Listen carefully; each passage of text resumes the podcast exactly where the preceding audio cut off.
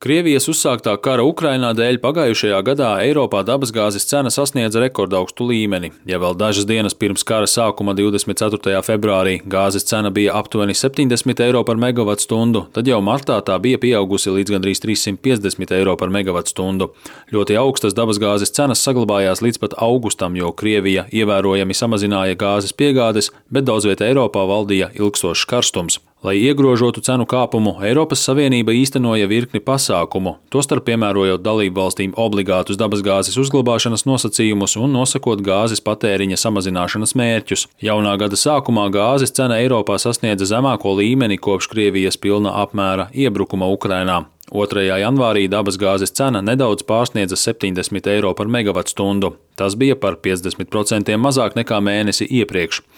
Enerģētikas eksperte Līvija Galarati norādīja uz iemesliem, kāpēc dabasgāzes cena Eiropā ir samazinājusies. So,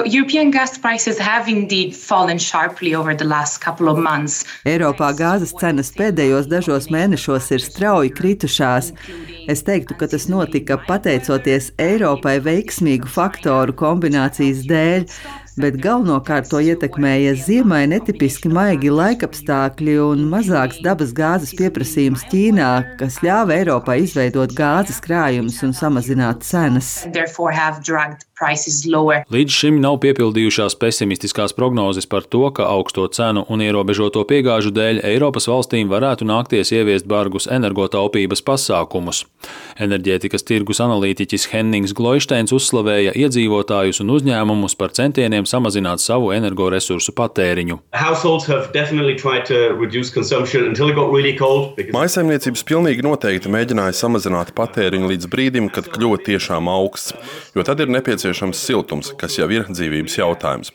Arī rūpniecības nozare ir taupījusi. Daudzi uzņēmumi izstrādāja plānus energoresursu patēriņa samazināšanai līdz tādam līmenim, lai nebūtu ievērojami jāsamazina ražošanas apjomi.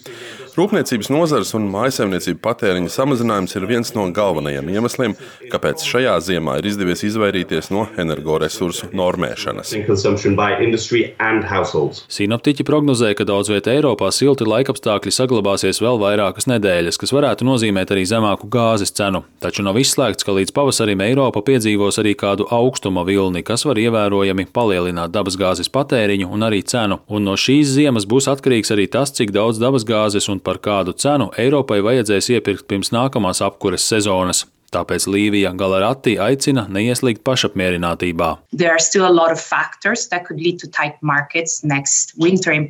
Joprojām ir daudz faktoru, kas var palielināt spriedzi gāzes tirgū, jo īpaši nākamajā ziemā, un tas var nozīmēt strauju gāzes cenu pieaugumu.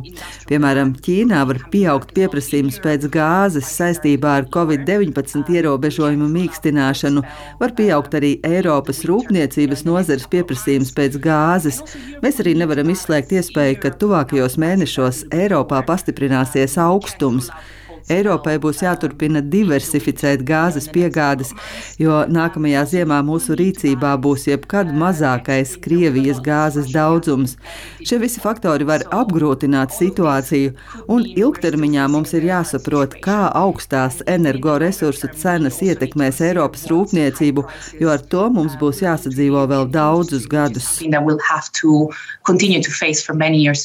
Nedēļas sākumā Eiropas dabasgāzes krātuves bija aizpildītas izplatītas par 83%, kas ir ievērojami vairāk nekā pērn janvārī, kad krātuves bija aizpildītas tikai par 54%. Tas vieš cerības, ka Eiropa būs labāk sagatavojusies nākamajai apkuras sezonai. Uldis Česberis, Latvijas radio.